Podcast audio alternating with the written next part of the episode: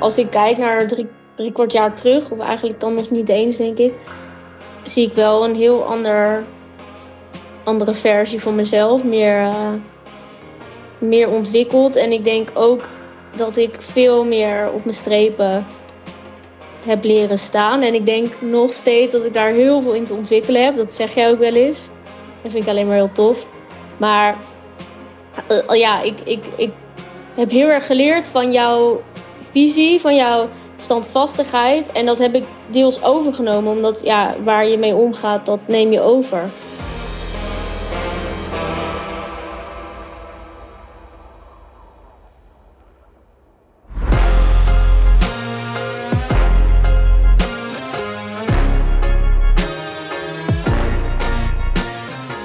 In deze aflevering ga ik in gesprek met dit keer niet een klant, maar met mijn collega Kim van Haren. Kim is sinds september trainee in mijn bedrijf. Als je een trouwe podcastluisteraar bent, dan weet je het misschien nog. Ik deed in augustus via deze podcast een oproep naar een trainee. Het concept van traineeship bestaat natuurlijk al langer, maar ik had het nog niet zo gezien bij online ondernemers. En ik dacht, volgens mij kan ik een gigantische win-win situatie creëren als ik een leerwerkplek creëer voor iemand die wel enorm graag alle kennis en ervaring die ik in de afgelopen jaren heb opgedaan tot zich wil nemen en daar direct access toe wil hebben. Maar voor wie het niet passend is, om wat vrede dan ook, om nu mijn klant te zijn omdat je totaal startend ondernemer bent of omdat je voelt dat je nog helemaal niet op de plek bent dat je ja, dat het passend voor je is om mijn business coaching te krijgen. Nou, toen ik die oproep plaatste op mijn podcast, was Kim een van de eerste die reageerde. En toen ik contact met haar had gehad, dacht ik meteen: ja, voor jou heb ik deze oproep geplaatst. Ik zag meteen dat er een match was. Nou, die match heeft zich ook bewezen, want we zijn inmiddels zeven, acht maanden verder. En uh, Kim is er nog steeds. Haar rol in het bedrijf en haar rol als trainee heeft zich enorm ontwikkeld in de afgelopen maanden. Kim heeft zich ook enorm ontwikkeld als mens en als professional. Daar zal ze zo zelf meer over vertellen. En waarom nemen wij juist nu deze aflevering op? Daar wil ik meteen maar transparant over zijn met je. We zijn op zoek naar een nieuwe trainee. De oproep daarvoor die zal volgen in de komende podcastaflevering. Dus dit is um, deel 1, de voorloper, waarin je uitgebreid kunt horen hoe het voor Kim was en wat het haar heeft opgeleverd om zich te committeren aan uh, een traineeship bij mij. En in de volgende aflevering delen we met je wie wij zoeken, voor welke rol en waarom we er weer voor kiezen om met een trainee te werken. Dus als jij denkt van wauw, nu al of nadat je dit gesprek met Kim beluisterd hebt, dat kan voor mij ook heel interessant zijn om direct met Suus te werken in een soort betaalde leeromgeving. Zorg dan dat je niet de volgende aflevering mist, want um, die wil je dan zeker beluisteren. Maar nu eerst, hier is ze voor je, Kim. Welkom Kim in de podcast. Thank you. Leuk. Wat ik grappig vind is normaal gesproken dan ga ik met klanten in gesprek, meestal als ik een gast heb. En jij bent geen klant van mij, jij bent uh, mijn trainee sinds afgelopen september. En daarmee voelt het inmiddels een beetje als onze podcast. Ja, ja, inderdaad. Ja, die snap ik wel. We podcasten natuurlijk niet samen als in dat jij niet hoorbaar bent, maar achter de schermen ja, maak jij wel bijvoorbeeld uh, help jij wel met posts maken over mijn podcast. En uh, ja, we zijn uh, samen aan het werken aan de premium podcast en zo. Dus het is heel gek eigenlijk om nu ja, jou als soort gast te hebben.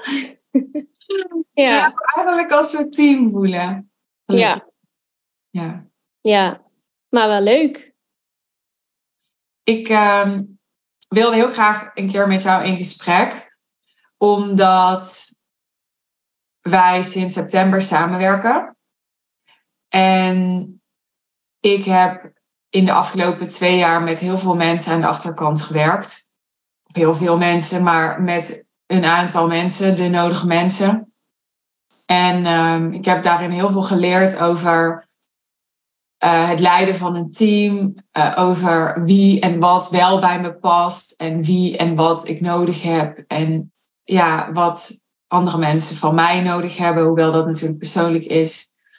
En ik heb echt gemerkt dat ja, door de hele uh, package deal die ik ben, en daar mag jij zoiets over zeggen, maar zo ervaar ik het zelf een beetje. Ik ben een soort pakketje van allerlei ja, karaktertrekken en een visie die ik heb en een standaard en een soort nukken en allerlei dingen bij elkaar. Ja, is het gewoon best wel een gepuzzel om daar mensen bij te vinden met wie het zeg maar enigszins klikt. Dat is gewoon fijn op persoonlijk vlak als je uh, op dagelijks basis met elkaar samenwerkt. Die ook ja, de nodige competenties hebben. Die ook ja, de, de juiste communicatiestijl hebben. Die werkt voor mij. Die ja, ook helemaal mee kunnen in mijn visie. En die dat ook kunnen vertalen naar de dagelijkse operatie het is best wel veel, heb ik gemerkt. Dat is echt een, een hele puzzel geweest. En nou, met ons tweeën is dat behoorlijk uh, goed gegaan. Daarom zit je hier nog, gelukkig. En daarom vind ik het tof om het hier met jou over te hebben vandaag. Over hoe jij dat proces vanaf jouw positie hebt ervaren afgelopen, nou wat is het, drie kwart jaar of zo bijna? Ja, zoiets. Langer, iets korter? Ja. Ja, wil je daar iets over zeggen? Ja, nou ja, dat, het, dat wat je zegt, dat dat inderdaad zo is. Dat het uh, best wel een proces is. En uh, sowieso denk ik altijd dat als je met iemand samenwerkt, dat het altijd puzzelen is van hoe zit die persoon in elkaar en wat zijn zijn of haar verlangens en, en hoe, hoe wil je het hebben en wat is belangrijk voor die persoon en ook natuurlijk voor de andere persoon. Dus dat is altijd een beetje puzzelen, denk ik. En uh, ja, wat, ik, uh, wat jij zegt, dat, uh, dat, dat dat bij ons best wel goed gaat, eh, dat ervaar ik ook zo. En, Je zegt het is een heel proces. Dat ja. klinkt een beetje cryptisch voor mij. Dus wat, wat, hoe heb jij het ervaren als een heel proces? Is dat proces anders gebleken dan jij had verwacht toen je begon bij mij bijvoorbeeld? Ja, ik denk wel. Ik denk wel anders, maar ik denk ook omdat dat komt omdat ik niet per se een hele verwachting had. En een proces als in. Ja, dat je altijd aan het afstemmen bent met elkaar.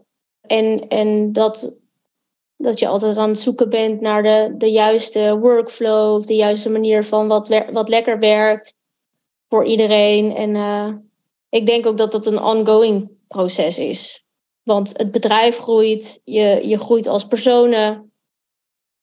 En ja, daarmee ben je altijd aan het, aan het, uh, aan het ontwikkelen, aan het zoeken, denk ik.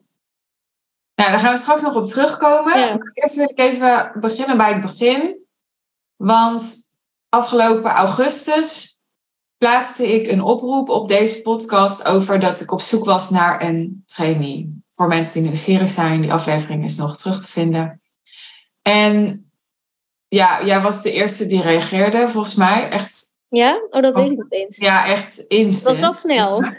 Ja, heel snel. Ja. Was je de eerste die reageerde. En ik ben heel benieuwd. Ja, wat maakte dat jij blijkbaar meteen dacht: oké, dit wil ik? Ja, nou ja, ik volgde jou al best wel een lange tijd ik volgde jou zelfs ook in jouw blogperiode. Dus ik kende jou al een tijdje. En toen kwam, was ik jou een hele tijd uit het oog verloren. En toen vond ik jou ergens een keer weer op Instagram. En toen zag ik dat je dus business coach was. En toen ik die podcast hoorde. En jij zei daarin. Eigenlijk ben ik op zoek naar ja, een soort jongere versie van mezelf. Daar ging ik wel op aan, omdat ik me daarin wel herkende. En ik herkende me vooral in, denk ik, ja, het stukje ambitie, het, het, supergroot durven kunnen denken en daar ook gewoon voor gaan. Dus uh, ja, ik had wel het idee dat, dat ik jou een beetje heb leren kennen door middel van je podcast en social media. En dat ik door had van, nou, jij bent wel iemand die zich ergens aan committeert, ergens in vastbijt en daar echt voor gaat, super leergierig is. Nou, en dat zag ik in mezelf ook wel. En toen ik dacht, oké, ik zou heel goed in die rol kunnen passen. Ja, ik ben daar heel kort een beetje over nagedacht van wat zou dit voor mij betekenen. En toen dacht ik, ja, dat zou voor mij heel veel groei betekenen en, en weer een totaal nieuwe wereld waar ik in zou komen.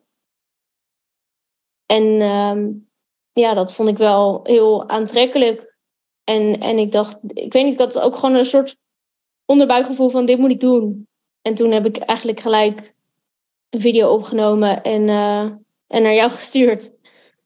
Ja. Hoe was jouw situatie toen? Even voor mensen, hoe oud ben jij? Hoe is je, je privé situatie? Wat voor werk deed je? Of, of waar was je mee bezig? Dat, dat we even weten wat de context was. Ja, ik was toen uh, 24 en ik woonde net een paar maanden op mezelf.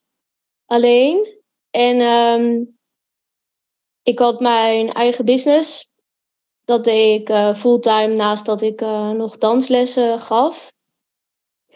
En dat, uh, ja, ik, ik was ook online, of ja, business coach. En dat deed ik nog niet zo heel erg lang, want ik ben ooit begonnen als marketeer. Uitvoerend social media content maken voor bedrijven. En daarna heb ik me ja, een beetje hergepositioneerd als, als coach. En dat liep best wel goed. Dat, dat vond ik ontzettend leuk om te doen. En je had ook een coachopleiding aan doen, hè? Die startte ik in september, dus dat was nog niet. Ja. Maar die wilde ik wel gaan doen, inderdaad. En um, ja, dus ik, ik ja, vond dat superleuk om te doen. Maar ik wist ook, en ik liep daar al een tijdje tegenaan, dat ik me nog sowieso veel meer te ontwikkelen had daarin. En ook, uh, nou ja, nog specifiekere niche of doelgroep of een, een, een specifieker probleem wat ik oplos moest gaan vinden om me daarmee te positioneren. En op de een of andere manier liep ik daar zelf soms wel eens in vast. En toen dacht ik dus van ja, het is of ik ga me ja, committeren aan mijn eigen bedrijf en ik maak gewoon een keuze en ik ga daarvoor. Of ik dacht, ik kies voor, voor ja, dit traineeship en uh, ik ga daar gewoon heel veel leren en ik doe dat daarna altijd, kan dat altijd nog.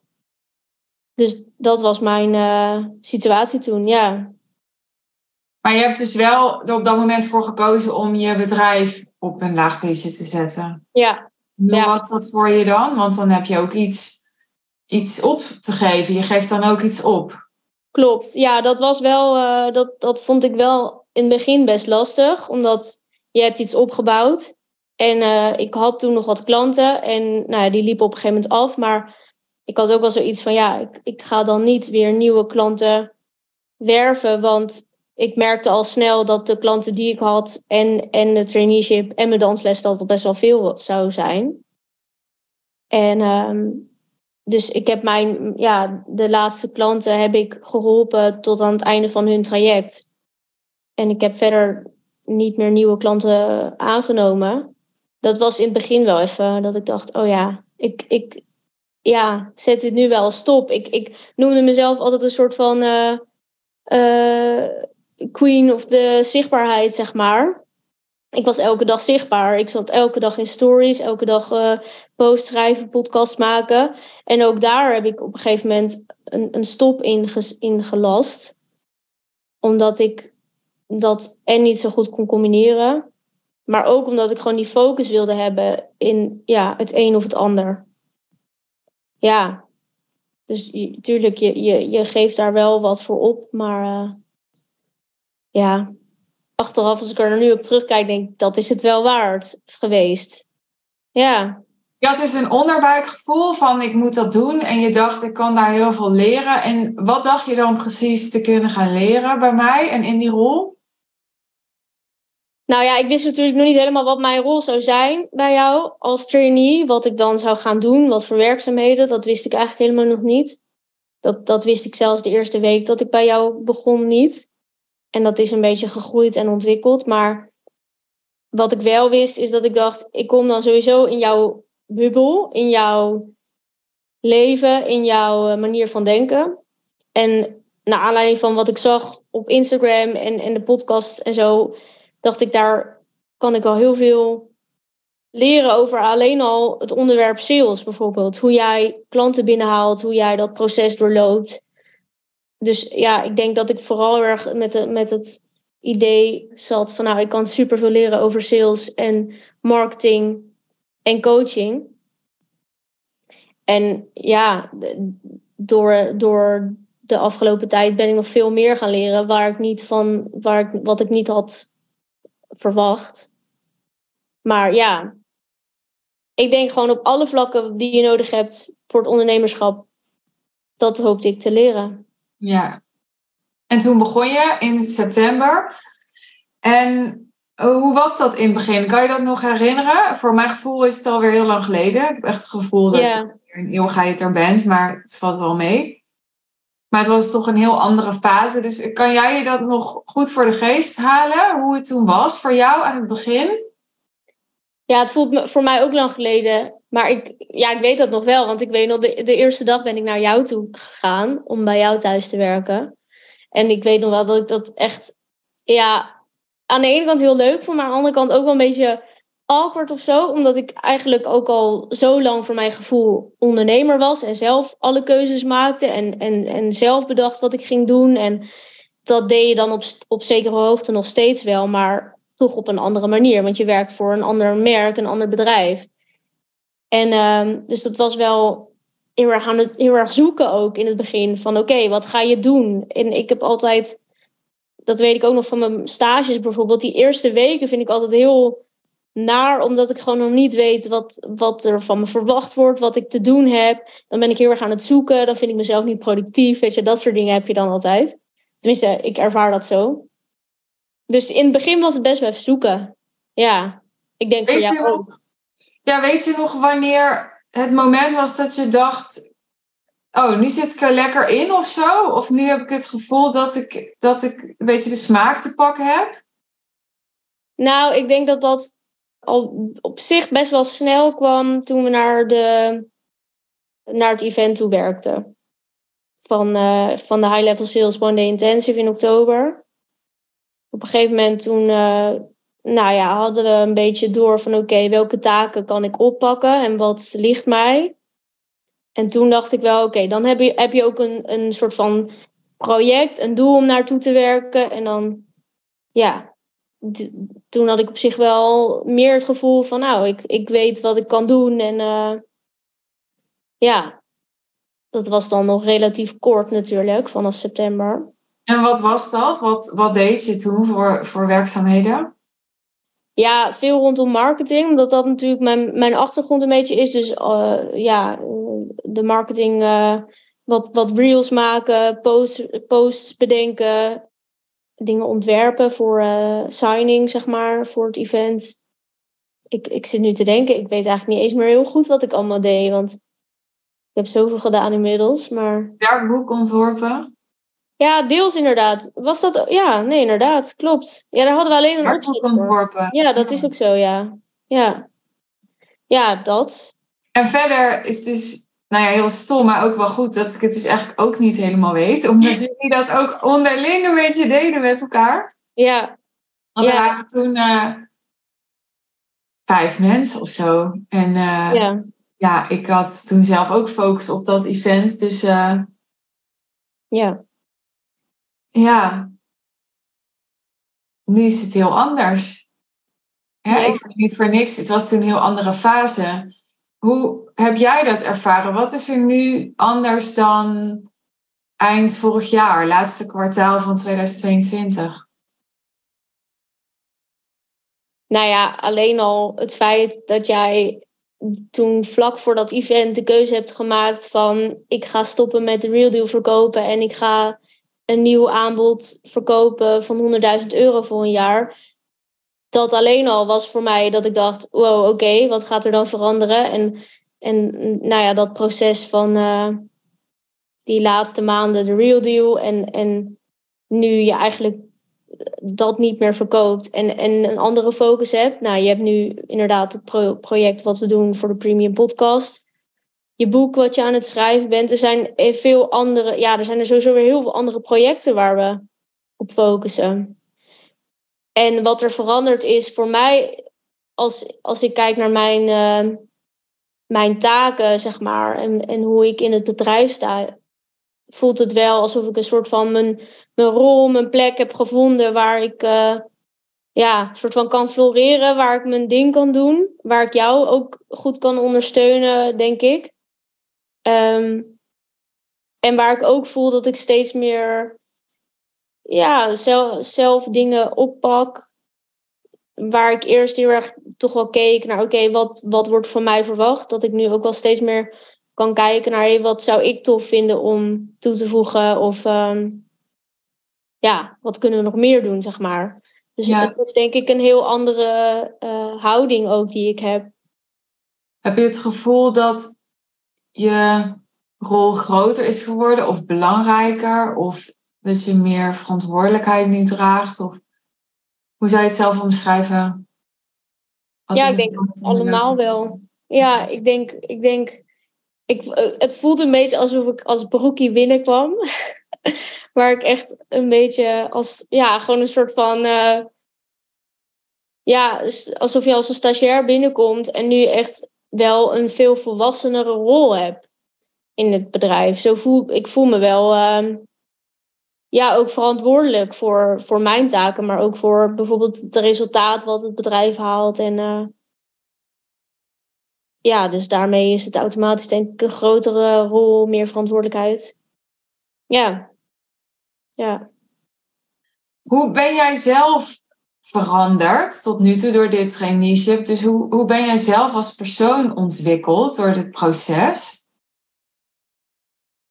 Mm. Of helemaal niet? Ja, zeker wel. Als ik kijk naar drie, drie kwart jaar terug, of eigenlijk dan nog niet eens, denk ik, zie ik wel een heel ander andere versie van mezelf, meer, uh, meer ontwikkeld. En ik denk ook dat ik veel meer op mijn strepen heb leren staan. En ik denk nog steeds dat ik daar heel veel in te ontwikkelen heb. Dat zeg jij ook wel eens. Dat vind ik alleen maar heel tof. Maar uh, ja, ik, ik, ik heb heel erg geleerd van jouw visie, van jouw standvastigheid. En dat heb ik deels overgenomen, omdat ja, waar je mee omgaat, dat neem je over. En ja, dat, dat gebeurt soort automatisch. Dat ik het wel tof vind dat als ik soms nu situaties meemaak of zo, dat ik denk, nee, ja, als ik ergens voor sta of als ik iets vind, dan, dan vind ik dat en dan wil ik dat ook voor elkaar krijgen of, of zoiets. Kun je een voorbeeld geven? Nou, ja, niet zo snel eigenlijk. Ik denk dat het gewoon überhaupt de manier is hoe, je, hoe, hoe ik praat, hoe ik gesprekken heb of zo. Dat ik uh, meer, meer een standpunt kan innemen en daarin vast kan houden. Is het het verschil tussen dat je eerder, wij van spreken, vroeg aan een leverancier van, nou, wat kan jij doen? En dat je nu eerder zal zeggen, wij willen graag dit of zo? Ja. Dat ja, dat zou inderdaad, ja. Zeker. En ik denk ook dat ik op. Ik, ik had laatst een gesprek met iemand ook. En toen dacht ik. Toen, toen noemde zij iets. En toen dacht ik, ja, dat zou echt super interessant zijn. Ook voor, voor iets wat we in jouw bedrijf kunnen, kunnen gebruiken. En dan ga je daar toch weer op een andere manier over nadenken. En dan leg je dat neer bij diegene. En dat ik ook gewoon zoiets heb van, ja, wat zou jouw voorstel hierop zijn? Waar ik dat normaal misschien, daar misschien niet eens over na heb gedacht dat alleen al. En dat ook niet op die manier had gevraagd of zo. Dat ik dan wat voorzichtiger, wat terughoudender ben. Terwijl jij bent best wel direct. En als jij iets wil, dan zeg je gewoon, nou, ik wil dit. Punt. dat vind ik juist heel tof, want zo krijg je het voor elkaar. En zeker als je er dan ook achter blijft staan, waar heel veel mensen dan dat al een soort van uh, ja, brutaal vinden bijna. Of, uh, of weet ik veel. En zich daar al dan in terughouden, waardoor ze meestal nooit krijgen wat ze echt willen. En uh, nou ja, dat, dat herken ik dus dat, dat jij dat doet en dat ik dat zelf ook steeds meer leer. Ja, het is grappig dat we hier op komen, want ik luister naar jou en dan denk ik, dit is hetgene wat ik het, het allermoeilijkst heb gevonden, denk ik, als ondernemer aan mijn team dat ik altijd het gevoel had van ik ga vijf stappen verder dan jij of zo om voor elkaar te krijgen. Dus niet jij als een Kim, maar even in general. Om voor elkaar te krijgen uh, wat ik wil of wat we willen of wat, wat er nodig is voor het bedrijf. Hè? Ik wil het even niet veel op mezelf betrekken.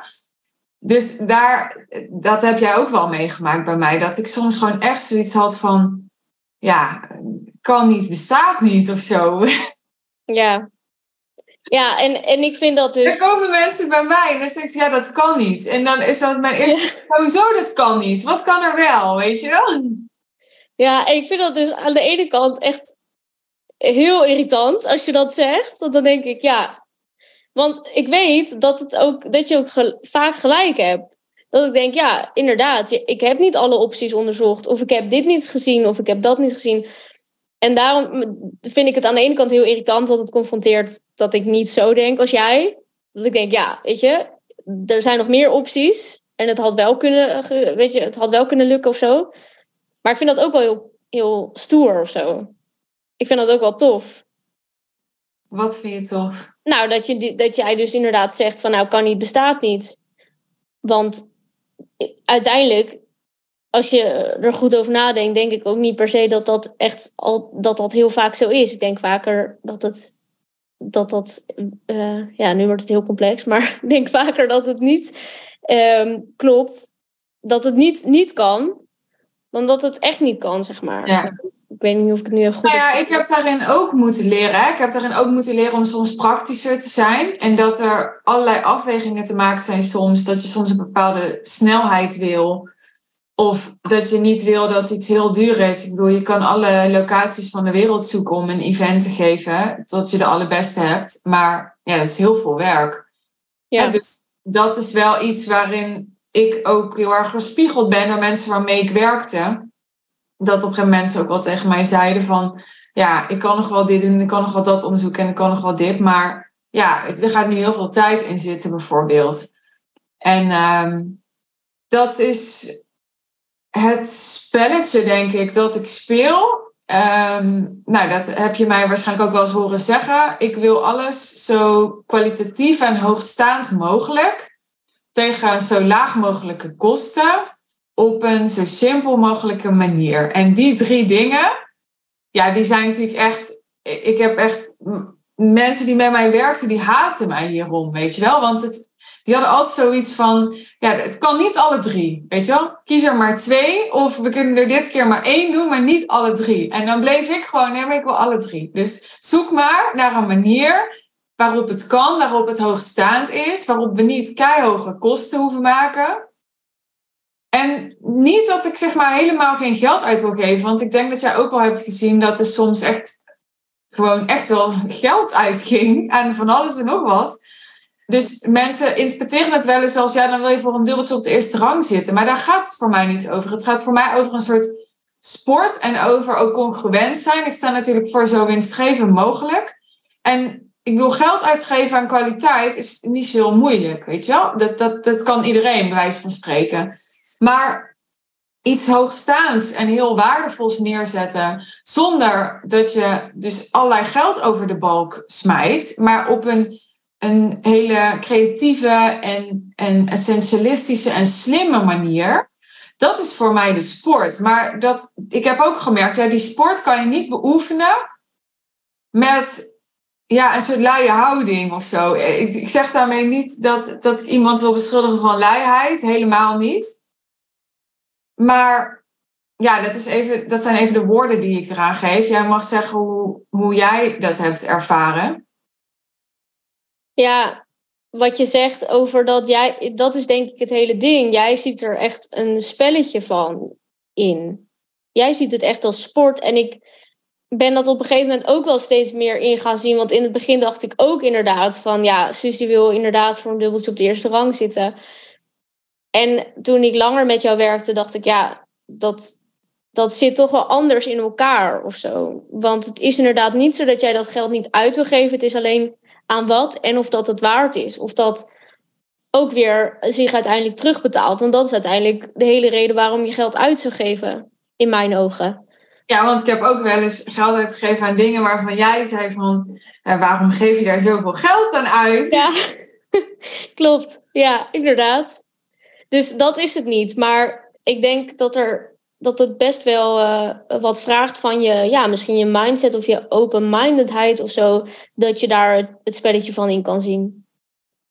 Dat, ja, dat heeft misschien niet iedereen. En dan is het dus inderdaad dat ze zich gaan ergeren en denken: het is of-of.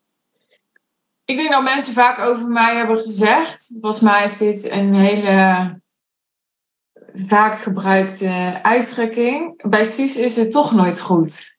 Mm. Ja. jij weet het beter, want jij hebt aan de achterkant gezeten en ja. Nou ja, ja. Wel eens zo onderling. Ik hoor dat niet altijd, maar dat is wat ik wel eens heb gehoord. Dat mensen dat zeggen over mij. Ja, ik heb die zin wel vaker gehoord, ja. Maar ik denk ook dat het waar is. Ik denk alleen dat... De, ik denk ook dat het waar is. Ja, omdat ik denk... Dus het is nooit goed bij mij. Ja, maar wat is goed? Dat is het hele ding. Eigenlijk wil je dat perfect gaat. Of dat... Nou ja, dat klinkt ook weer heel perfectionistisch, maar... Er is altijd ruimte voor, voor iets beters of, of verbetering of anders. En goed, ja, wat is goed? het liefst hebben mensen, dan denk ik inderdaad dat, dat jij dan zegt van, oh ja, dit is fantastisch en uh, je hoeft verder niks meer eraan te doen. Ja. Dat gebeurt zelden bij ons. Ja, dat gebeurt zeker zelden. Maar ik denk, ik denk ook niet dat dat uh, zou passen bij een bedrijf als dat van jou. Wil je dat uitleggen? Waarom niet? Nou ja, ik denk dat om hetgeen waar, waar jij voor staat, voor high-end en, en, en simpelheid, al betekent dat dus niet dat je dan ja, altijd inderdaad maar voor de simpelste optie gaat of zo. Maar dat stukje high-end, ja, je wilt, je wilt gewoon kwaliteit leveren en uitstralen. En alles moet tot in de details kloppen. En, en ik denk dat ik dat deels misschien nog niet eens zo heel groot voor een heel groot deel, maar deels wel snap en inzie wat daarvoor nodig is. Dat alles high-end moet ademen, zeg maar. En dan kan je zeggen, nou ja, dan gaan we genoegen nemen met goed. Maar dan ga je niet je, je eigen standaarden ook weer verhogen. En dan ga je niet elke keer weer toch proberen tot, tot het uiterste te gaan. En ik denk dat een bedrijf zoals van jou dat dat, dat, dat, dat nodig is. Anders, ga, anders blijf je nooit die, die marktleider, zeg maar. Waar jij onbekend staat en waar, jij, uh, waar jouw klanten ook naar opkijken en, en van leren. Dus ik kan heel erg inzien waarom, het, waarom je dat. Uh, ja, waarom die standaarden hoog zijn. En ja, dat, dat is denk ik nodig om, om met jou samen te werken. Want anders is het inderdaad een soort frustratie op hetgeen wat ze zeggen van het is nooit goed bij Suus. En, en dat kan ook omslaan in misschien demotivatie. Wat ik zelf altijd, ook nu, weer, nu ik weer naar jou luister, zo fascinerend vind, is dat ik aan de ene kant geleerd heb door de mensen met wie ik werkte en wat ik terug heb gekregen, dat ik een hele hoge standaard heb. Want ik heb ook heel vaak gewoon gevraagd aan mensen van, joh, maar wat is er dan bij andere klanten zo anders? En dan gaat het er vaak over dat die toch inderdaad sneller of eerder tevreden zijn. En tegelijkertijd vind ik, ja, ik ga nu misschien niet helemaal reclame maken voor mezelf, maar ik vind dat dat het nog zo niet hoogstaand genoeg... Ja, ja jij moet nu lachen, want je wist dat ik dat ging zeggen. Ik vind dat het nog zo niet hoogstaand genoeg is. Bijna alles eigenlijk. En ik, ik weet dat als je kijkt naar de kern, naar het product wat ik aflever, dat ik, ik help mensen gewoon supergoed. En de bedragen die ik vraag, zo is het allemaal waard. En ik denk ook gewoon nog 24-7 van, oh my god, er moet nog zoveel beter. Ja, ik wist dat je dit ging zeggen op de een of andere manier. Ja, en ik, ik ben voorspelbaar. Ja, dat snap ik ook. Want jij maakt wel eens de vergelijking van alles moet Dior zijn, bij wijze van. Nou ja, en als ik kijk naar een merk als Dior bijvoorbeeld, of een ander designermerk, dan denk ik ook van ja, hallo, dit is echt nog niks wat wij doen. Vergeleken met zoiets. Dank je. Ja, maar dat is. Mijn hart, mijn hart. Ja, maar dat is ook zo. Ik denk alleen dat als je kijkt naar bijvoorbeeld de bedrijven, uh, soortgelijke bedrijven in, in deze branche in Nederland, dan zijn wij, denk ik wel, zitten we wel in, de, in, in het meest hoogstaande, denk ik. Maar dat, dat wil ik niet zo 1, 2, zeggen. Maar... Nou, weet je, dat is een van de redenen waarom ik op een gegeven moment dacht: ik wil met trainees werken. Want ik kan me voorstellen dat mensen hier naar luisteren en denken: van dan ben je een high-end merk en dan, dan werk je met trainees of zo. Dat voelt niet heel high-end. Maar ik heb daar echt goed over nagedacht en het heeft ook heel goed uitgepakt, vind ik. Want ik heb ook veel ervaring met VA's. En ik merkte dus dat wat VA's gewend waren dat goed was bij andere bedrijven, dat vond ik gewoon niet goed. En dan kreeg je twee keer frustratie, want ik was gefrustreerd omdat ik het niet goed of niet goed genoeg vond. En die ander ook, want die dacht, ja, weet je wel, ik kan bij allemaal andere ondernemers werken, die zijn hartstikke blij met mij. En uh, jij niet. Ja. En, en ik dacht, ja, dan kan ik bij wijze van spreken beter zelf mensen soort van opleiden of kneden naar mijn visie en hoe ik het wil. Dan ja, dat ik misschien wel heel ervaren mensen aantrek, maar die wel helemaal ehm, ja, al geconditioneerd zijn door andere online bedrijven waarvoor ze hebben gewerkt. Die per definitie onvergelijkbaar zijn met die van mij. Want ik denk niet dat een bedrijf vergelijkbaar is met dat van mij. En dat is in ieder geval ook niet wat ik wil. Nee. Nee. En tegelijkertijd, ik zeg dat is niet wat ik wil, is het natuurlijk ook een verlangen van mij om dingen te standaardiseren, om processen te creëren, om ook wel zelf als online bedrijf te leren van hoe andere online bedrijven dingen slim doen. Want het is natuurlijk niet zo dat ik ja, dat ik de allerbeste ben in de achterkant van een online bedrijf ontwerpen. Want daar ligt niet eens mijn kwaliteit. Weet je wel? Mijn kwaliteit ligt bij coachen, bij marketing en sales. Maar ik zal vast van een heleboel andere online bedrijven en hoe zij aan de achterkant ingeregeld zijn nog heel veel kunnen leren. Dus zo is het ook. En tegelijkertijd, wat ik bijvoorbeeld een mooi voorbeeld vind, is. Ik vind dus dat de, de meeste mensen, eigenlijk bijna iedereen, gewoon heel slecht mailt. Ja. En ja, ik kan er niks aan doen. Ik heb zelf ooit bij een communicatiebureau gewerkt en ik ben daar helemaal getraind in e-mails schrijven. Zeg maar zoals het hoort. Dus aanhalingstekens, sommige mensen zijn allergisch voor hoe het hoort. Maar ja, ik bedoel, we hebben ook DT-regels. Dat hoort ook op een bepaalde manier. Dus ik ben daar niet allergisch voor. Ik denk, er zijn gewoon een soort van ja, richtlijnen voor hoe een goede e-mail is opgesteld. En ik heb daar zelf ook mensen in getraind. Dus ik heb zelf echt ambtenaren getraind in goede e-mails schrijven die gestructureerd zijn en volledig zijn en duidelijk zijn en niet te moeilijk. En nou ja, gewoon goede e-mails, dat is gewoon een skill. Ja. En vanaf het moment dat ik leerde hoe je goede e-mails moest schrijven, ontdekte ik dat dus eigenlijk niemand in de wereld goede e-mails schrijft. Dat iedereen echt gewoon echt gewoon shit op de mail pleurt. Misschien dat ik daarom ook al jaren niet meer zelf wil mailen, want ik kon het gewoon niet aan. Maar ja, dit is dus een voorbeeld van ik wil dus dat er, dat er vanuit mijn bedrijf hele goede e-mails uitgaan. En ik denk dat nog steeds, even niks te nadelen van iedereen die namens mij e-mails heeft gestuurd. Ik, ik, kan het niet eens beoordelen, want ik, de meeste zie ik niet eens. Gelukkig zou ik willen zeggen. Maar dit is zo'n onderwerp waarvan ik denk, ja, ik kan me voorstellen dat mensen die voor mij gewerkt hebben, de e-mails die zij schreven, dat die voor andere online ondernemers helemaal prima waren. En ik zeg van, nee, het is gewoon niet goed genoeg.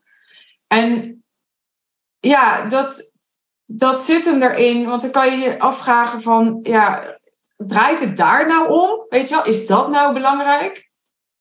En met mijn hoofd denk ik dan nee.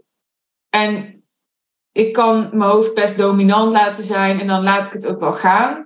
Maar in mijn hart, als, als je kijkt van hoe ik wil ondernemen in mijn hart, vind ik dat dus wel belangrijk. Omdat ik dus wil dat, dat alles wat eruit gaat namens ons bedrijf, elk mailtje, elk appje, elk cadeautje, elke story. En het gaat dus ook voor dingen die ik maak. Hè?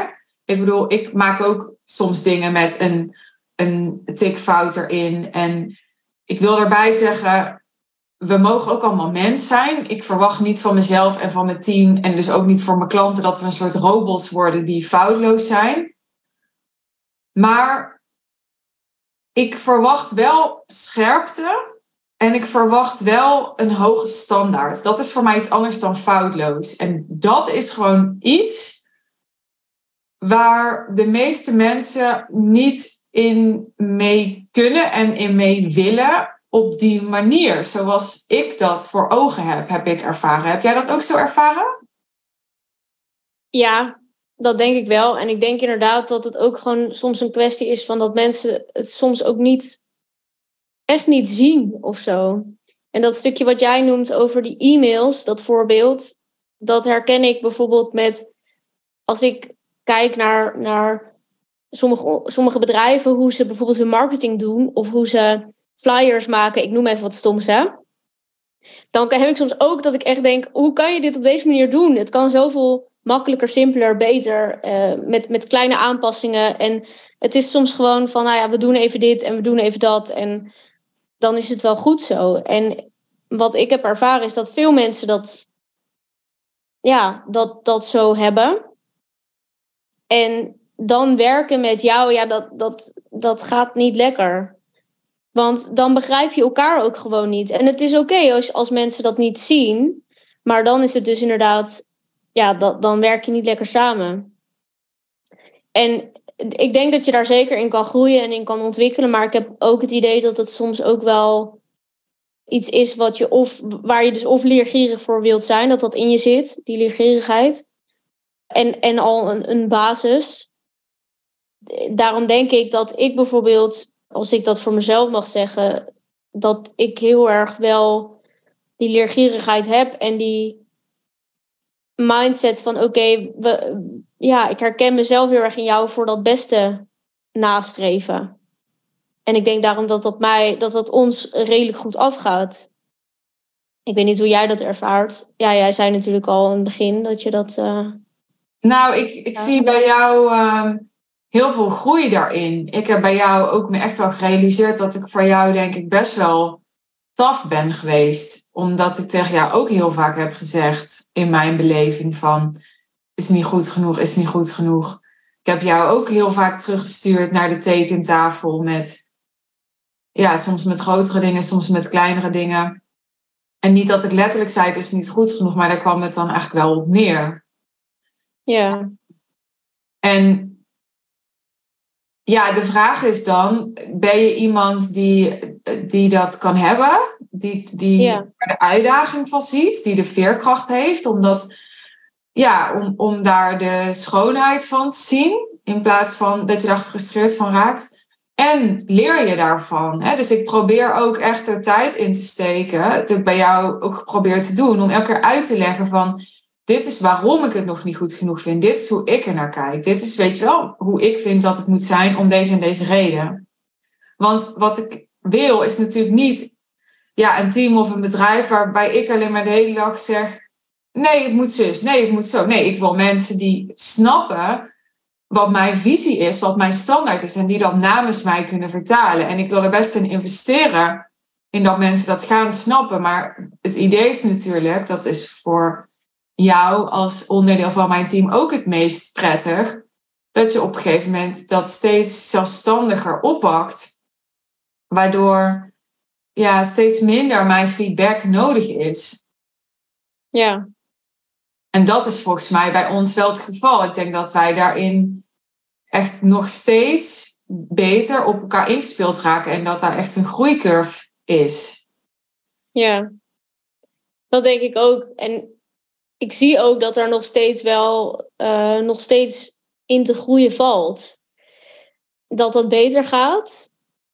Zeker ten opzichte van het begin, denk ik. Want ja, ik was ik, ik noemde mezelf wel sommige vlakken perfectionistisch, maar ik ben op een heel andere manier, ik weet ook niet of dat het juiste woord is hoor, maar ik ben op een heel andere manier gaan kijken naar dingen opmaken, aanleveren, insteken. En daar kan ik nog veel meer in groeien. Dat zie ik ook. Maar ik vind het wel tof om te zien dat daar al in, in, in zo'n korte tijd eigenlijk best wel een groei in is geweest. Ja, want als ik het even heel lomp zeg, vandaag en volgens mij is het een paar dagen geleden ook nog, zei ik dus wel gewoon een keer tegen jou van een storyreeks of zo die jij hebt gemaakt. Want we zijn nu aan het experimenteren met stories en ik lever dan input aan en jij maakt die dingen dan. En dat vind ik echt super chill. En jij vindt het ook leuk, geloof ik. Dus helemaal blij. En ja, ik vond het best wel spannend, omdat ik dacht, ja, we gaan niet drie keer heen en weer over een storyrace. wordt me echt te veel gedoe. Maar dat gaat eigenlijk heel erg goed. Dus ik heb nu gewoon al een paar keer gemerkt van, oh ja, soms, weet je wel, er was één keer was het, stond het verkeerde screenshot erin. Dan moest ik even zeggen, je moet dit screenshot hebben of zo. Maar ja, ik was gewoon echt blij met die reeks die we vandaag hebben gepost. En ja, met een andere reeks die je had gemaakt. En dat was een half jaar geleden echt anders. Niet dat het slecht was wat je toen maakte. Maar ik zie gewoon dat jouw standaard omhoog is gegaan. Ja, dat ja. Dat zie ik ook. Ja. En kan je delen met, met mensen, hè? want je, je vertelde van, nou, toen ik net binnenkwam, toen deed ik wat ons ondersteunde dingen voor het event vooral. En ja. je rol is dus groter geworden en belangrijker geworden. Wil je even delen wat je nu doet en dan specifiek, dus als jij zegt, ja, ik help bij de Premium Podcast, maar wat doe je dan? Ik denk dat mensen echt willen weten van, hoe ziet, hè, want jij, jij werkt praktisch de hele week voor mij, voor de duidelijkheid. Dus waar vul jij je tijd mee? Wat ben je aan het doen de hele week?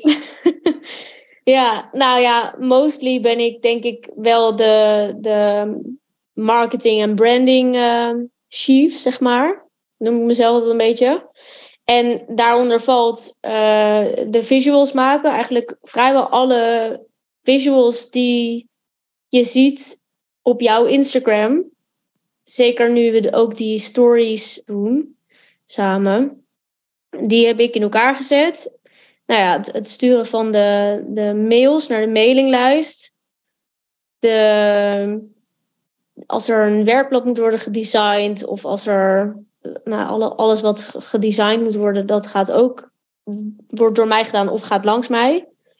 En voor zo'n premium voorbeeld, uh, ik vul even aan, jij hebt ook het, de overeenkomst voor Affluence helemaal ontworpen. Ja. Dat is ook zo'n mooi voorbeeldje waarvan ik zei, nee, dit is niet goed genoeg. We moeten terug. Ja, klopt. Ja, nee, ja, inderdaad, dat klopt. Ja, en uh, ja, wat nog meer? De podcast visual.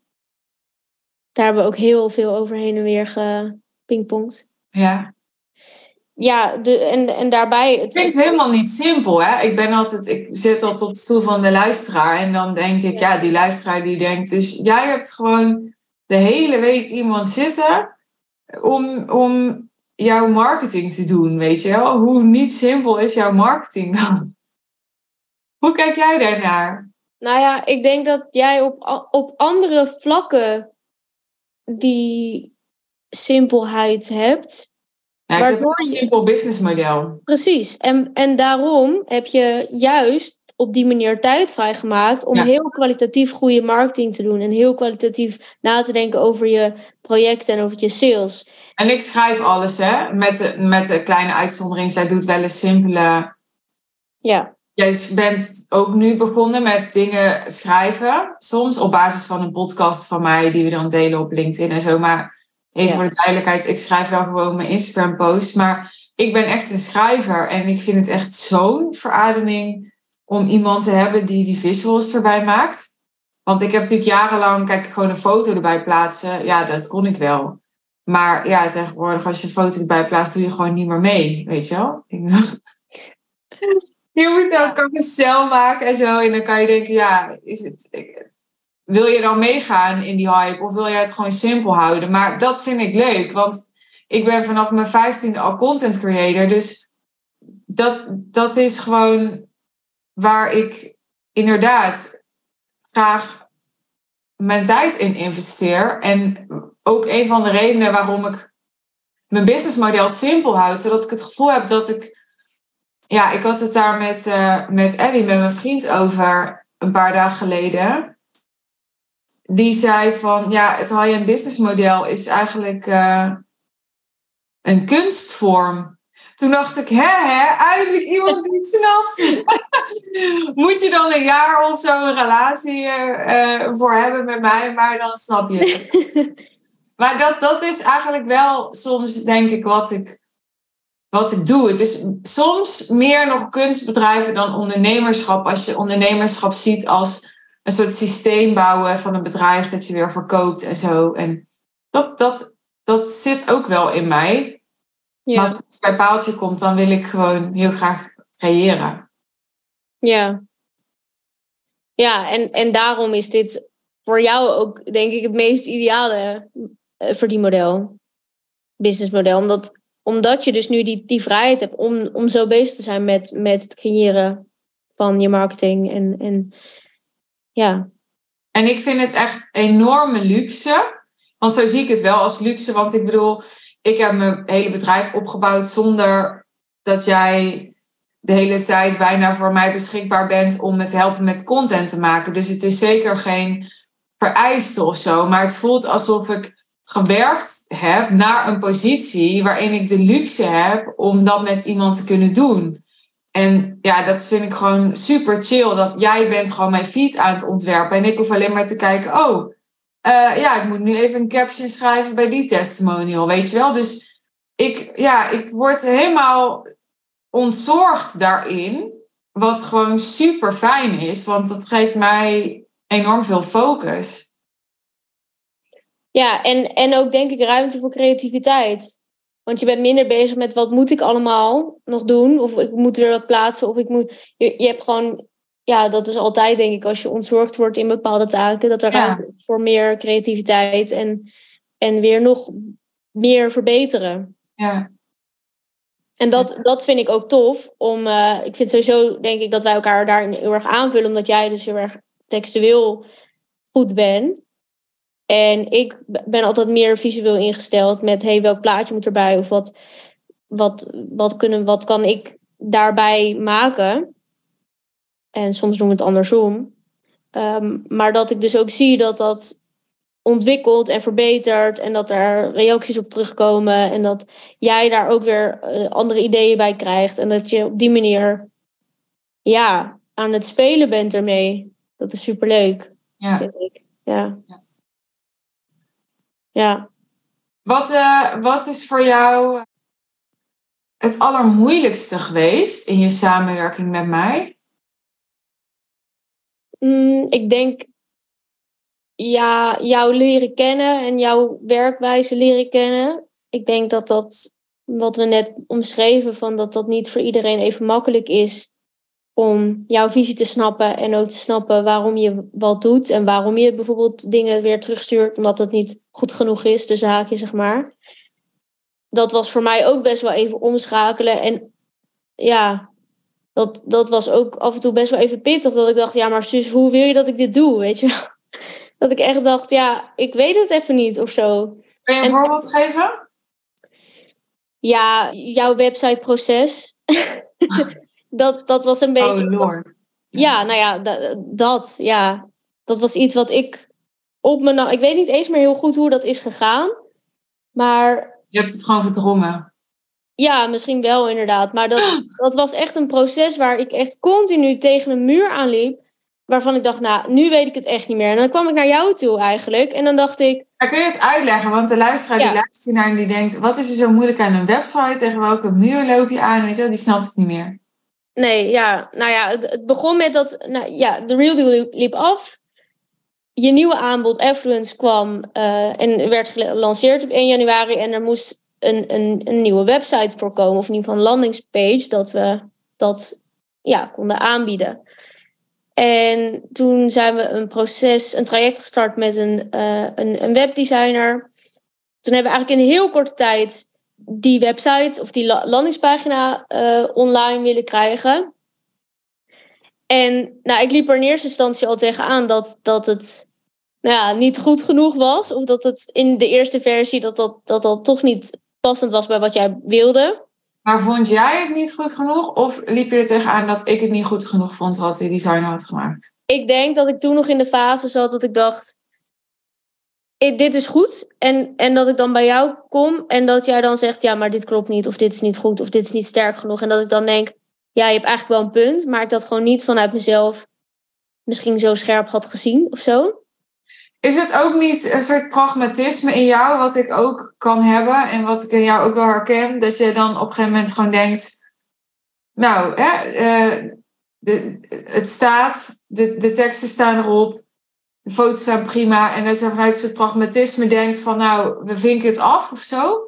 Ja, ik denk zeker. En ik denk ook dat dat te maken heeft met het einddoel. Dat ik denk, Suus heeft mij de opdracht gegeven om een, een landingspagina te maken voor Affluence. En die moet gewoon dan en dan live staan. En het moet hoog kwaliteit zijn, maar het moet dan live.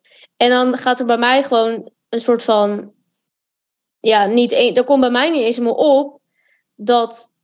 Ook al wil je dat natuurlijk niet, maar dat het een optie is om het uit te stellen, omdat het gewoon nog niet de kwaliteit heeft of nog niet de standaarden heeft waar het aan zou moeten voldoen. En daarom denk ik dat ik sneller genoegen neem of nam met, uh, met wat er stond.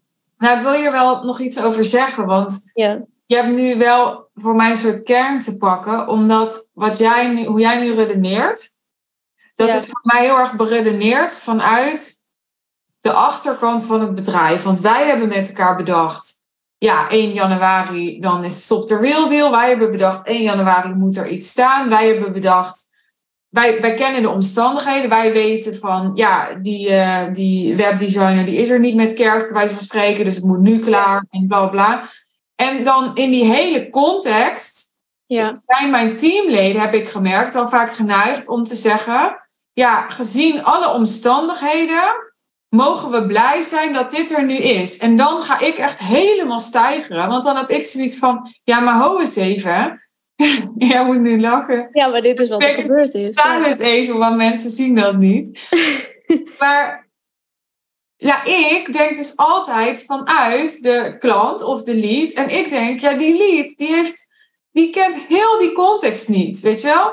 He doesn't fucking care. Ik bedoel, wat wij voor deadline hebben afgesproken intern, wie er wel of niet op vakantie ging, of die webdesigner toch iets minder goed was dan we hadden gehoopt, of wat, wat dan ook.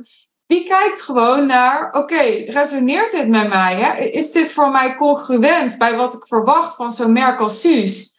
En als ik dan moet concluderen, als ik me verplaats in die klant, nou nee, eigenlijk niet, ja, dan wil ik gewoon onder de grond verdwijnen. Daar komt het eigenlijk op neer. Ja, En dat is wat ik heel vaak heb gemerkt, dat, dat het team dus kijkt vanuit, oké, wat, wat zijn mijn mogelijkheden? En dat hij dan blij is dat hij dan naar zijn of haar beleving de best mogelijke mogelijkheid heeft kunnen benutten. En ik kijk alleen maar vanuit de voorkant van, wat ziet die, die klant? En eh, wat ziet die lead? En is dat een visitekaartje? Is dat representatief of niet? En iets anders stelt voor mij eigenlijk niet. nee. Nee, en dat is, als je het zo zegt, denk ik ook heel logisch. Maar het is niet wat er gebeurt inderdaad in de praktijk. En dat is wat er bij mij dus ook niet zo gebeurde. En, en dat ik dus toch bij jou kwam met van nou, dit is wat ik heb kunnen doen eigenlijk, een beetje. En dat jij echt denkt, ja, hoe, hoezo? Hoe kan dit, weet je wel? Of, of- en dat dan tot een paar keer toe, dat ik soms zoiets heb van ja, ik heb er alles aan gedaan en dit is het beste wat ik kon doen. En dat jij dan toch vervolgens met iets komt van, ja, maar heb je ook dit gedaan? Of heb je ook dit, weet je wel, dit kan beter. Of, eh, of, of ja, de- deze, deze Ja, alles is gewoon nooit alles, precies wat jij zegt. Mensen denken heel snel, Nee, ik heb er alles aan gedaan. En dan denk ik, nou ik weet niet hoor, maar als ik 30 seconden nadenk, dan kan ik zo drie dingen opnoemen die je dus niet hebt gedaan. Dat bedoel ik niet lullig, maar dat is gewoon zo. ja, dat, dat klopt. en, en nee, maar dat is ook zo. En eh, het, als jij dus, om terug te komen op je vraag, van wat vond je het moeilijkst? Ja, dat vond ik soms wel eens confronterend. Dat ik dacht, ja, je hebt gewoon gelijk. Maar ik heb mijzelf een verhaal aangepraat dat ik er alles aan heb gedaan. En dan blijkt dat dat niet zo, zo is. En dan, ja, dan kan ik wel ook echt gefrustreerd en boos op mezelf zijn. Dan denk ik, jeetje Kim, je kan echt, je kan zoveel beter. dat is dan denk ik ook gewoon een proces wat er bij mij dan in me af gaat spelen. Dat ik dan denk, ja. Maar ben ik dan niet uh, killing geweest voor je zelfvertrouwen of zo, als je het zo zegt? Nee, dat niet. Ik denk dat het wel deel, deels even me heeft laten wankelen of zo. Maar dat ik, ik zie heel erg in dat, dat, dat dit me alleen maar juist sterker kan maken en, en meer kan laten hebben. En ik ben ook altijd wel iemand dat ik denk, ik, ik probeer het zo, zo min mogelijk persoonlijk aan te trekken. En er gewoon van te leren en, en, en daar sterker uit te komen. En, uh... Ben je ook echt wel enorm in gegroeid, vind ik. Ik, ik vind je echt enorm gegroeid. In? Dat, nou, in alles. Dat heeft mij ook wel echt heel veel voldoening gegeven. Ik heb natuurlijk dit, dit concept bedacht van dat traineeship. Maar als ik naar jou kijk, hè, ja, vanuit mijn perspectief, dan denk ik, ja, dit is ook precies wat ik voor ogen had. Het is ook gewoon heel erg geslaagd. Want ik denk, ja, we hebben het pas over een maand of zeven, acht of zo. En als ik dan terugdenk aan hoe het in het begin was en hoe het nu is, dan denk ik echt van, dit is zo'n. Het is niet dat ik mezelf daar credits voor geef, maar deze omgeving is zo'n soort van deep dive opleiding geweest, weet je wel. Dat ik denk, ja, je hoeft echt niet uh, vier jaar naar school. Kom dit maar even een half jaar doen, denk ik. Ja. Ja. Ja, dat denk ik ook. Ja. Hoe heb je mij ervaren? Want um, ja, er gaan ook wel eens uh, verhalen rond over mij. Gewoon, nou ja, ik had het daar met een klant nog over... Uh, van de week dat op de een of andere manier ik gewoon iemand ben die, uh, waar mensen een mening over hebben. Positief, negatief. Ja, maar in ieder geval een mening. Ik weet niet hoe jij dat ervaart, maar ik denk dat meer mensen een mening over me hebben dan dat ze ja, neutraal tegenover me staan. En jij kent me nu best wel goed, want wij werken nu, uh, ja, denk ik, lang genoeg intensief samen. Dus hoe ervaar jij mij, als je eerlijk bent? Nou, ik denk uh, wel als een heel direct persoon. Dat is het eerste even wat er in me opkomt. Ja, dat, dat zei je al. En, en is dat dan omdat ik gewoon altijd zeg wat ik denk? Of wat bedoel je met direct? Dat denk ik, ja of in ieder geval heel duidelijk bent in wat je bedoelt. En dat je er ook niet omheen draait of zo. Sommige mensen die pakken dingen heel erg in. En die moeten bij wijze van afleren om het. Uh, om, tot de kern, ja, om, om dat niet te doen en tot de kern te komen. En jij komt altijd gelijk tot de kern. Ondanks dat dat misschien soms, wat sommige mensen vinden, hard over kan komen. Of bot of keel of wat dan ook. En wat jij zegt over dat mensen een mening over jou hebben. Ik denk, want ik heb daar ook wel eens over nagedacht. Ik ben altijd best wel iemand die heel neutraal, zo neutraal mogelijk iemand zelf wil leren kennen. En ik denk dat het allemaal heel erg wel oppervlakkig is hoe die mensen jou dan zien en daar dan een oordeel over hebben. En dan dus, ja, concluderen dat je bijvoorbeeld nou ja, te, dat, jij, dat je te, te hard bent of te afstandelijk, niet empathisch, wat dan ook. Terwijl ik dat niet zo per se zie. Maar jij vindt gewoon. Jij kan ook heel goed je, het, het zakelijke stukje met, met het persoonlijke stuk los van elkaar zien.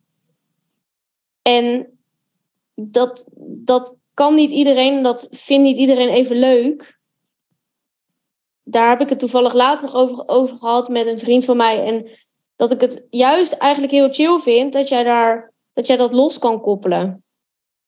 Omdat dan uiteindelijk help je nou ja, het resultaat van het bedrijf, maar ook de ontwikkeling van, van elkaar als personen meer mee. Ik zei dat laatst ook tegen jou, volgens mij. Of in een meeting zei ik dat van... Ik heb liever dat je mij soms even op, op mijn kop geeft... omdat ik iets niet goed heb gedaan... of omdat iets anders had gekund... dan dat je het helemaal in gaat pakken en gaat, gaat minderen. Want in je hoofd ben je dan toch wel gefrustreerd. En dat gaat zich dan op. Daar, daar, kan ik ook helemaal niet inpakken. Daar ben ik echt zo slecht in. Nee, maar ik, ik denk ook dat het eigenlijk beter is dat je, dat je dat niet doet en dus gewoon direct tot, tot je punt komt. Uh, kijk, natuurlijk zitten daar nuances in dat je dat wel relatief respect Ja, ik, ik zeg, ik kan dat helemaal niet, maar dat is ook niet helemaal waar. Ik, ik heb dat natuurlijk ook wel geleerd en ontwikkeld, maar het is niet mijn natuur. Ik moet daar wel echt iets voor doen, ja. Ja, maar ik heb dan dus inderdaad soms liever van, nou ja, zeg het maar gelijk even direct, wat even voor mij uh, pittig is en dat ik dat gewoon even moet, moet incasseren. Maar uiteindelijk voel ik me daar ook beter over, omdat ik dan ook niet na hoef te denken van, oh, wat vindt ze er eigenlijk echt van? Of uh, ja, dat is dan misschien ook mijn onzekerheid die, die, die daar dan niet mee om kan gaan. Maar ik vind die directheid juist over het algemeen heel fijn. Ondanks dat het soms op het moment zelf even kut is. Ja, en het klopt dat ik heb ook echt mensen nodig die dingen niet persoonlijk nemen, want voor mij is ook niks persoonlijk. Nee. Ik kan echt met iedereen, uh, ik kan gewoon met iedereen vijf minuten later weer thee drinken, gewoon ja. als mensen. Maar ik zit er gewoon echt als, als soort ja, uh, leider van een gedachtegoed, zit ik gewoon iets te beschermen en iets uit te dragen. En ik zie, vind gewoon dat we allemaal daarin ten dienste staan, zeg maar. En ik bewaak daarin iets. En dat is gewoon als mijn rol. En uh, ja, daar, daar, kan je vast van vinden hoe ik die rol bekleed. En uh, daar heb ik ook veel in moeten leren. En daar leer ik nog steeds van alles in. Maar dat is wel hoe ik het ervaar.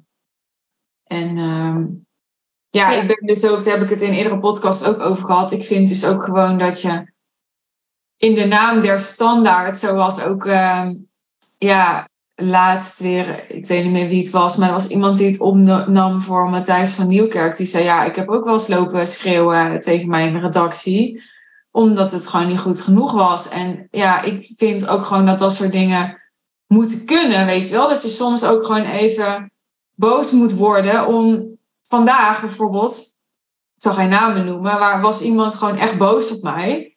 En dan merk ik ook aan mezelf dat ik denk, oh ja, ik word even nou, ik word even wakker geschud hierdoor. En uh, ja, natuurlijk roept dat van alles op. Ook, ook iets van dat ik denk van, oh, weet je wel, ja, val me niet aan. Dat het natuurlijk ook een ding in mij is wat zich wil verdedigen. Of dat er even verdrietig van wordt of wat dan ook. Maar ik vind gewoon boosheid uh, ja, wel oké. En, en ik zei een keer tegen mijn therapeut van dat ik het gewoon moeilijk vind dat, dat we gewoon een soort van niet meer lelijk mogen doen tegen elkaar of zo. Of dat, en toen zei ze van ja, en mogen mensen dan ook lelijk doen tegen jou? En toen zei ik ja, ik, ik denk het eigenlijk wel. Ik weet niet jij dat hebt ervaren, maar wat ik bijvoorbeeld typerend vind, is dat de meeste mensen die bij mij zijn weggegaan, zijn zelf weggegaan. Ik zal niet zo snel iemand wegsturen. Je kan bij mij eigenlijk best wel heel ver gaan ja. wel boos worden of zo. Maar ik zal niet zo snel in mijn beleving, ja, je zeg maar echt afwijzen of zo. Dat is geval hoe ik het ervaar. Ja, nou dat vind ik wel een mooi punt wat je zegt. Want dat heb ik ook wel zo uiteindelijk gezien. Dat ik denk inderdaad van ja, omdat jij dus heel erg los van elkaar koppelt. Heel, veel mensen die koppelen dan gelijk als, aan jou als persoonlijkheid. Die, dat wanneer jij bijvoorbeeld gefrustreerd ben omdat iets niet loopt zoals het eigenlijk zou moeten lopen, bijvoorbeeld. Wat, wat, wat echt voor het bedrijf is. Ja, dat, dat mensen dan denken dat je inderdaad. dat jij. Ja, zo boos bent, of, of dat je dan. Dat, dat, dat, dat... Is het net alsof ik de hele dag boos word? Nee, ja, dat, is, is helemaal niet zo. Nee, dat is onzin. Maar er zijn wel eens momenten dat je dan gewoon gefrustreerd bent. En ik denk het hele team met elkaar gefrustreerd over iets. Maar ja, ik denk dat, dat, dat veel mensen dan toch denken, ja, eh, dat, dat, dat, dat dat dan inderdaad een soort van conclusie geeft van dat dat niet kan of zo. Ik, ik weet niet, dat je inderdaad bijvoorbeeld geen fouten kan maken of... Maar dat is zeker niet ja, zo. Dat is een hele mooie. Als het gaat over fouten, dan dat heb jij denk ik ook wel gemerkt op het moment dat iemand een fout maakt bij mij en die zegt: Sorry, ik heb een fout gemaakt, dan denk ik echt meteen: Oké, ja, gebeurt. En dan, maar waar ik echt heel allergisch voor ben, is als mensen fouten maken en dan of proberen te verdoezelen of op iemand anders afschuiven. of ontkennen, weet je wel. Of, en dat, nou, dan heb je wel echt een slecht aan mij. Maar als je gewoon die fout erkent. En dat heeft voor mij niet ermee te maken dat ik erin wil wrijven. Jij hebt een fout gemaakt. Maar dan voel ik dat je verantwoordelijkheid neemt. En dat is voor mij heel belangrijk. En als ik jou mijn vertrouwen geef. Ik bedoel, mijn bedrijf is echt, er zit. ik zeg niet dat het mijn kind is, want het is niet mijn kind, maar er zit zo enorm veel tijd, geld en energie in. Weet je wel, ik heb alles from zero, zeg maar, zelf opgebouwd. Vroeger eerst alles zelf gedaan en zo. En, en, en ik geef gewoon best wel veel vertrouwen, vind ik, aan een teamlid. Op het moment dat ik zeg: Oké, dit deel mag jij nu doen. En als je dan daarin, voor mijn gevoel, dus dat niet op waarde schat, door daar niet verantwoordelijkheid voor te nemen, zoals ik dat zie, daar kan ik wel echt boos over worden. En ehm, ja, tegelijkertijd kan ik denk ook heel snel wel weer teruggaan naar, oké, wat heb ik hier dan te doen of zo. Dat probeer ik ook altijd wel te doen. Van, oké, ik moet soms mijn boosheid uiten, maar ja, uiteindelijk eh, ben ik eindverantwoordelijk en is het aan mij om om als dingen hoe dan ook niet lopen zoals ik wil, om daar iets aan te doen. En om een voorbeeldje te geven, want ik dacht misschien dat mensen denken, ja, wanneer ben je nou gefrustreerd? Nou, iets waar ik aan moest denken is, ik weet nog dat er Real Deal Live was, dus het, het event voor onze klanten. En dat er één ochtend was, de tweede of de derde ochtend, dat er gewoon een beetje gedoe was, s ochtends. Ik weet niet of jij dat nog weet. En dat had ermee te maken dat, kijk, jullie waren natuurlijk heel erg gericht op dat event. Wat, wat ik ook fijn vond. Hè? Van ja, we zijn dat event nu aan het doen. Dat moet goed zijn. Dat moet lopen. Maar ja, het was niet zo dat er nog iemand soort van thuis zat een back-office te doen. Dus dat moest eigenlijk ook een beetje zo tussendoor. Dus er waren wat lopende dingen die gewoon eigenlijk ook wel ergens in die week moesten. En waarbij het niet per se handig was van sommige dingen als die vier dagen bleven liggen of zo. En op het moment dat ik dan voel van, oké, ik heb het gevoel, of het dan waar is of niet, dat de helikopterview weg is. Hè? Dat iedereen hier nu op dat event zit en dat de rest als het van vergeten wordt. Ja, dat vind ik heel lastig, want dat heeft voor mij ook weer te maken met die verantwoordelijkheid. Dan, ik kom dan op een gegeven moment op een plek waar, ja, waar mijn pijn zit van... Jezus, als het erop aankomt, moet ik alles alleen doen of zo, weet je wel dat? Ja. Ja, I'm only human als dat dan even gewoon er mag zijn. En als dan in plaats van een verdediging van ja, maar we werken hier ons uit de naad, gewoon iemand kan zeggen: Oké, je maakt je zorgen daarom. Ik pak het nu meteen op. En de volgende keer gaan we dit zus en zo doen, zodat je er geen zorgen meer om hoeft te maken. Dan ben ik gewoon echt helemaal goed. Dan is het gewoon helemaal oké. Maar dat is moeilijk soms voor een teamlid om te doen. Dat snap ik ook. Als die gewoon ook spanning heeft, want die moet daar ook een soort van presteren. En die heeft ook het gevoel van, ja, er zijn hier hè, 25 klanten of weet ik hoeveel klanten er waren die, ja, die wel heel blij naar huis moeten gaan. En Suus moet heel blij naar huis gaan. Dus ja, je bent dan heel erg daar je best op aan doen. En als je dan links heel erg je best, je best doet en iemand zegt dan, ja, waarom kijk je niet naar rechts? Snap ik ook wel dat dat frustrerend is. Ja. Maar ook hiervoor geldt weer dat ik dan denk, ja, uiteindelijk heeft datgene wat rechts gedaan moet worden, ja, die heeft er echt geen boodschap aan wat wij links aan doen zijn. Weet je wel? Dus ik kijk altijd naar het grote geheel en dan denk ik, ja, wij zijn ermee bezig dat wij nu een event hebben. Maar ja, iemand anders die ons ook misschien op een andere manier nodig heeft, ja, die.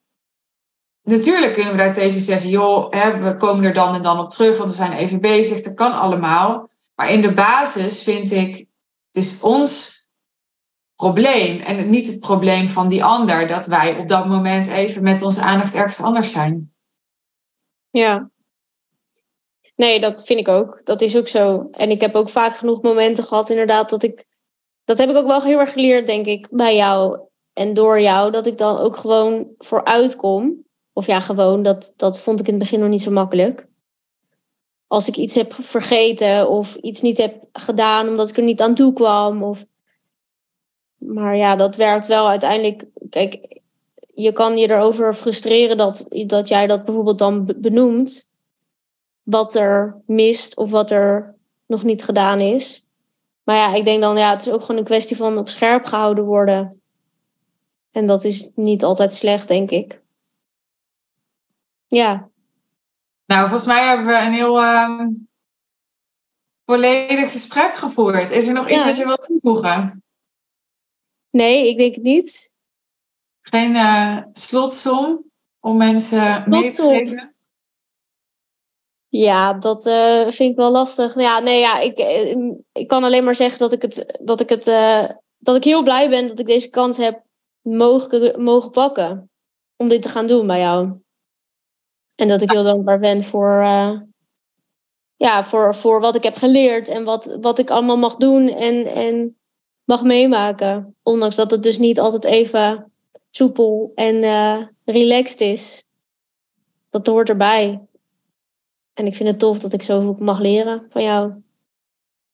Nou, fijn. Goed om te horen, dankjewel.